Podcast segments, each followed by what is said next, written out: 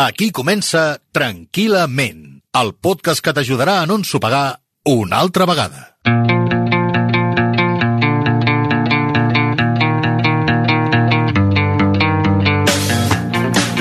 Bon dia, bona tarda, bona nit. Avui una punyeta que afecta gairebé tothom, eh, però si voleu us ho poso amb dades, que sempre queda més ben vestit. El pateixen o el patim gairebé un 40% de la població. Jo diria que potser més. És especialment intens fins als 67 anys, quan es veu que tot es relaxa i es tranquil·litza. I en diuen una malaltia silenciosa. Avui, a Tranquil·lament, l'estrès. Xavier, què tal? Doncs bé, eh, no, una mica estressat. És que, és que sabia que m'ho diries. T'ho he posat, he posat a, Però una en mica, safata. una mica perquè venia una mica amb el temps apurat Sí. i, i aleshores hi ha aquella sensació de dir no Però- arribo. I és això. Però aquest estrès, És de no, això. però aquest estrès de no arribo és un estrès normal. És a dir, Sí. d'això no en podem dir patologia. Sí, però- Si jo arribo tard a un lloc, és evident que em passa alguna cosa. Se m'accelera el cor, Sí. vaig més per feina, Sí. i aquí noto alguna cosa Clar, que no va però, bé. però, però, per exemple, jo porto tot el dia bé, tot el dia tranquil, i ara, a última hora, una mica, una mica de anem tard. Però imagina't que visquis així No. tot el dia. No, no, no es pot. Aleshores, hi ha molta gent, aquest 40% que dius, Mm. que pràcticament viu així des que es lleva fins que se'n va a dormir. Ara ho arreglarem, això. En 15 minuts us ho arreglem. Però escolta, n'hi ha, ha de bo? N'hi ha estrès, n'hi ha... Hi ha- dius, bueno, hi ha- quan es és va- un que em manté actiu, no? Com una Clar. xispa que... Quan es va inventar això de l'estrès, que, part, que per cert la seva conya, perquè això ho va, ho va inventar un, i el senyor resulta que no sabia dir uh, una paraula en anglès ben dita, Sí. i per definir el que ell deia, deia estrès. Però ell no es referia a l'estrès com a com a el que coneixem avui per estrès, Sí. sinó ell es referia a una altra cosa, volia dir una altra cosa Sí. I, i anava dient estrès, estrès, estrès. I resulta que tothom va pensar que ella que havia inventat la paraula estrès per definir una sèrie de símptomes que pertanyen a la naturalesa humana quan sigui està una mica l'estrès desbordat. ja va néixer com un, com un frau. Exacte, ja va néixer amb, intentant M'anima dir... aquesta idea, veníem, m'anima. Exacte, veníem a Sí. dir una altra cosa i vam acabar a dir uh, això, eh? I el Sail, que em sembla que seria el nom Sail o Saile, uh, no sé, tampoc no ho sé pronunciar molt bé, doncs va, va...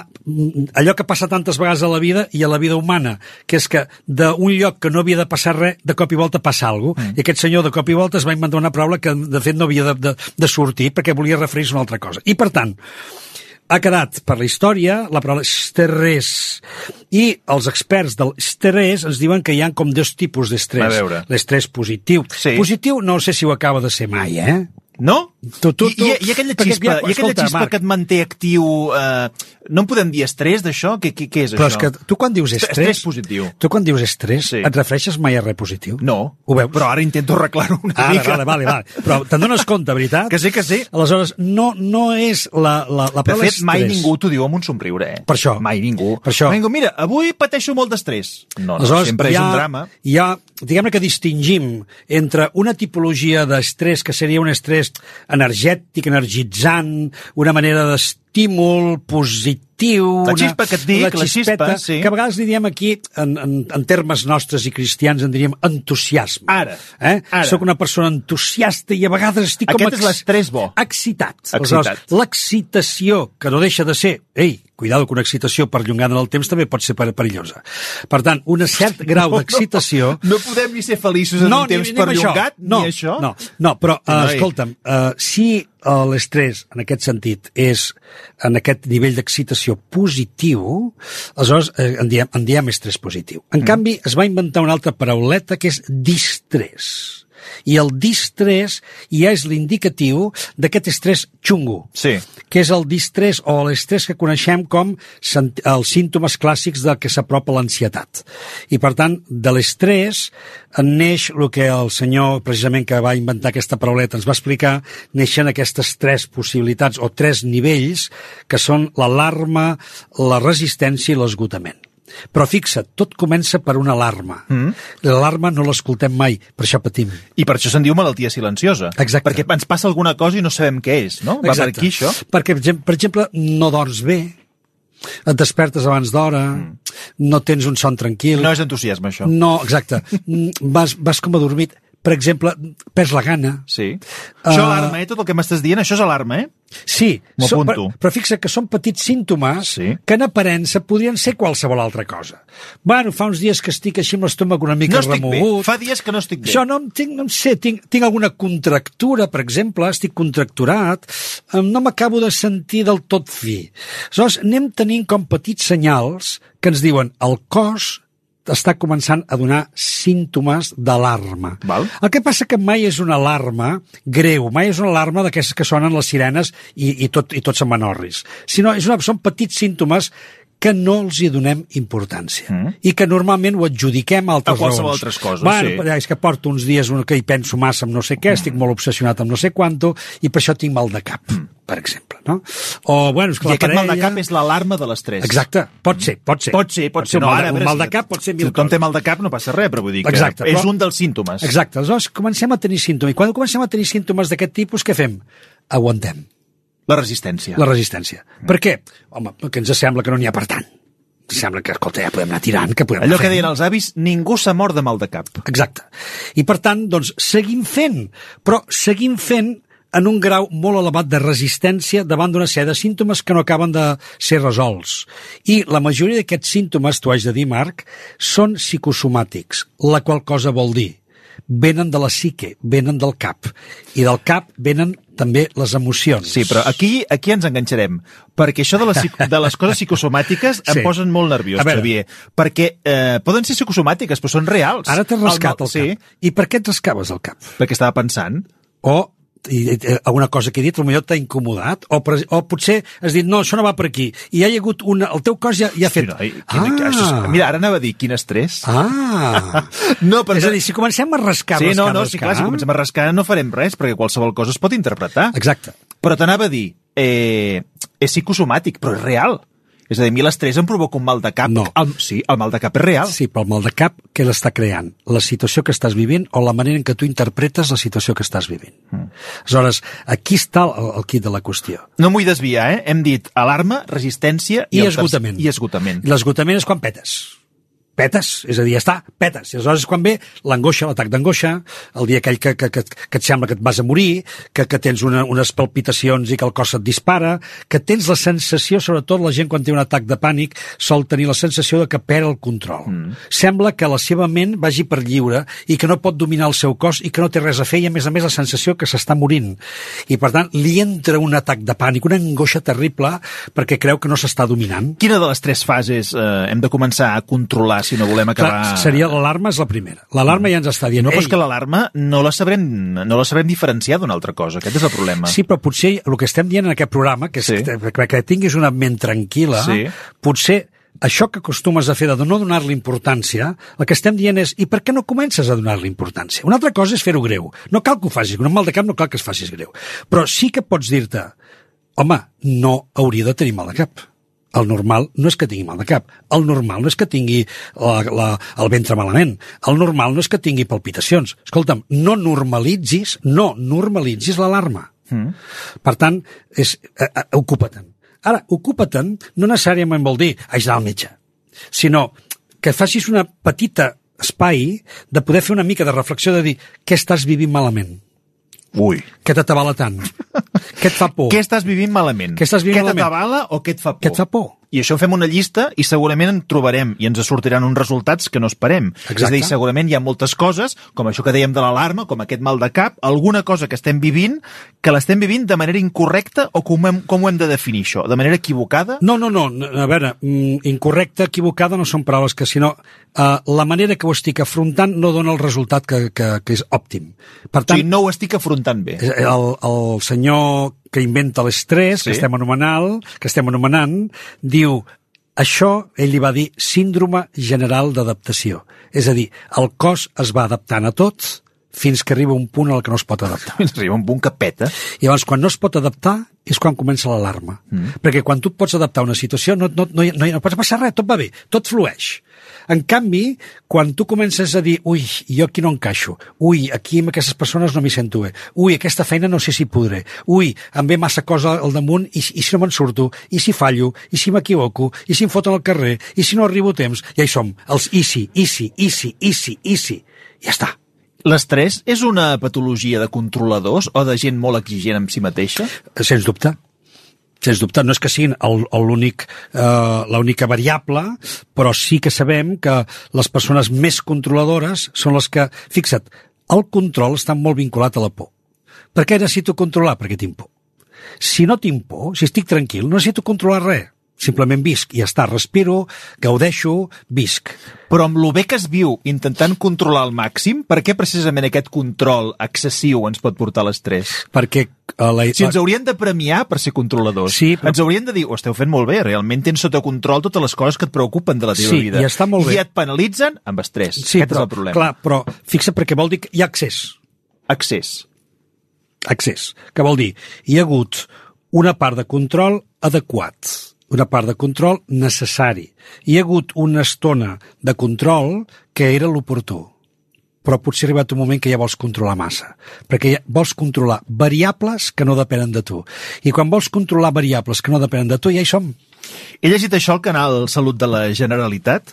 Per mantenir el nivell d'estrès baix es pot practicar el bescanvi d'estrès. Per exemple, si apareix un nou element estressant a la vida que és necessari prioritzar, cal posposar o eliminar algun altre que ja tenia la nostra atenció a fi de centrar-nos en el nou. L'objectiu és evitar apilar o acumular circumstàncies, fins i tot les coses pràctiques de la vida. Això em sembla molt bé, però ho veig molt difícil de fer. I que on veus la dificultat? El bescanviar l'estrès? Que- Jo no vull bescanviar-lo per una altra cosa, vull no tenir-lo. Clar, però aleshores la resistència a no voler-lo tenir et generarà més estrès. Per tant, ja veus que és l'intent de controlar que, que et ficarà de nou aquí. Per tant, arriba un moment que el més adequat és anar acceptant les situacions que vivim a la vida i no resistir-nos tant. Aleshores, fixa't que si jo, per exemple, me'n dono compte de que hi ha una situació que no m'hi puc adaptar, que m'està costant, no haig d'estar resistint, aguantant, fent tot lo possible per, per adaptar-m'hi, perquè si no puc, no puc. Aleshores, és millor dir, no puc. Però com saps que no pots? Perquè aquí hi ha un altre tema que potser tractarem en un altre espai, que és la gent que fa servir l'estrès com a excusa. Sí. Ui, això no ho faré perquè això m'estressarà molt. Sí. Ui, avui no vindré perquè estic molt estressat. Evidentment, i, ha, i, i fins i tot també podíem parar al contrari. Hi ha molta gent que fa servir com un signe de potestat, d'estatus i de ser una persona important si va estressada. Si no vas estressat, no estàs fent feina. Exacte. Si vas estressat, vol dir que tens una Exacte, feina que no que, et preocupa i que és important. Que no pares, Sí. que no pares, que estàs tan ocupat, que tens l'agenda plena, etc. Hi ha gent que presumeix d'això. Sí, sí, sí, Per tant, sí. veus que l'estrès el fem servir pel que volem. Però aquí estem dedicant-nos, sobretot i fonamentalment, a tranquil·litzar la ment. I la ment li donarem tranquil·litat quan en lloc de barallar-nos amb els nostres pensaments i sobretot resistir-nos a acceptar que les coses són com són, com més les acceptem, més tranquils estarem. Aleshores, ja està bé practicar handicap. Canvis d'hàbit. A mi m'agrada. I a més a més és una cosa que aconsellem molt. Escolti, no repeteixi. Si això no funciona, no repeteixi. Però amb això som tossuts, els humans. Tenim la punyetera mania de l'hàbit i l'hàbit, quan està instal·lat, escolta, repetim i repetim i repetim. Quan arriba un moment que diu, escolti, no, no està donant resultat, faci una altra cosa. Però ens resistim. Em resisteixo a acceptar això, em resisteixo a acceptar que no estic bé amb allò, em resisteixo a acceptar que el problema potser el tinc jo, em resisteixo a acceptar tantes coses. I això què significa? Acumulació. Acumulació de control, de tensió. I la tensió em genera estrès, l'estrès em, em, em genera por, el por em genera necessitat de control i em fico en aquest àmbit que no acabo mai. Quin panorama. I tot això ho pateix el cos, i el cos acaba patant, perquè llavors és quan venen els símptomes psicosomàtics. Llavors, per fer-ho pràctic i, i per acabar amb una nota optimista, en trec de tot el que m'acabes d'explicar, no resistir-me. És a dir, si No sé que demà tinc un dia complicat a la feina, per exemple, ho accepto i ja està. Sí. No intento canviar-ho, no, això. i sobretot no vagis amb la tensió de que no vull, no vull, és que ara passarà allò, ara passarà allò... A la feina, a a la parella, Tot. amb la família. És Tot. a dir, si ha de passar, passarà. No intento canviar una cosa que no sé com anirà. Exacte, i a més a més no té per què anar com tu t'has imaginat. Mm. I per això la gent s'emporta moltes sorpreses. Em pensava que seria pitjor, em pensava que seria més greu, em pensava que seria més dolorós. És a dir, que quan anem vivint les experiències donem compte que no n'hi havia per tant. Aleshores confiem més amb la, amb, la, amb la pròpia saviesa que ens indica que voler controlar i que les coses siguin com nosaltres volem no acostuma a donar bon resultat. I una altra cosa que surt d'aquest extracte que t'he llegit del canal Salut de la Generalitat, que a mi em, em posa especialment nerviós, que és el concepte de prioritzar. Deia el Canal Salut que has de prioritzar allò que et va millor, no? Però com, com es fa això? És a dir, si et faig una llista i hi ha moltes coses que m'estressen, Sí. quina elimino? És que més que eliminar, el que aquí t'està suggerint és, en lloc d'això, fes una altra cosa.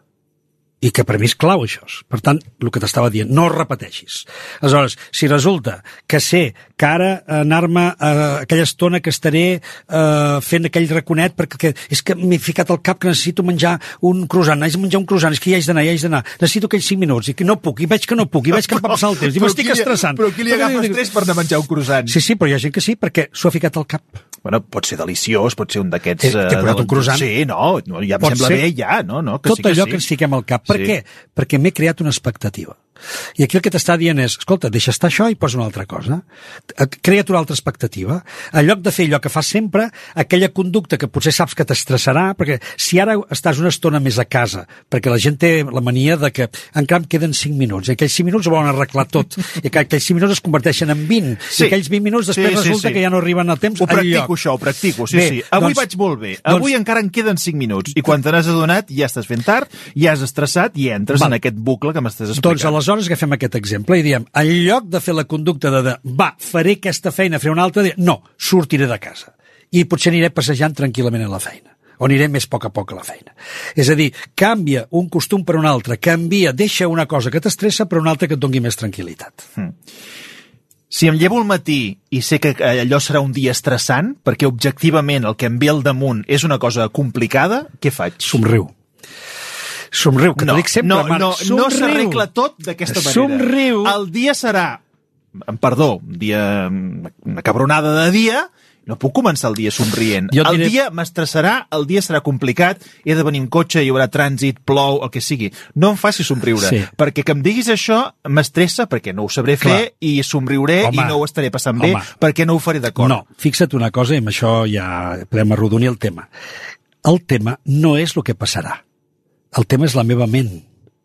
Per tant, que jo sàpiga que el que em ve serà una sèrie de coses que són dificultoses, complexes i tot això, això són coses que succeiran.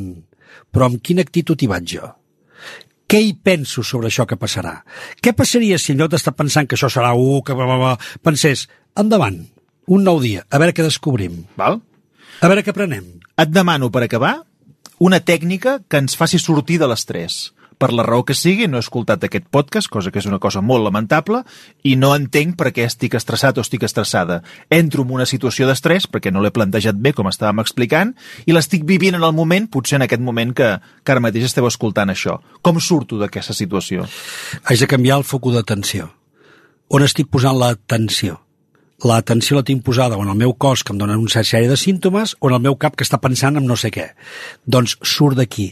I com sortim de l'atenció? Sí. Canviant el focus d'atenció. El, el focus d'atenció el puc canviar. O en el meu cos, per exemple, vaig a respirar unes, vaig a fer unes quantes respiracions, el puc posar en el pensament, per exemple, mira, vaig a recordar aquella estona que l'estiu vaig estar a la platja d'allà de Menorca, que estava sol amb una cala, Vaig a i recordar, vaig a recordar aquest l'embús moment. que vaig de patir quan Ah, anava ah. a Mallorca a buscar un restaurant perquè Veus? estava ple. I qui tria?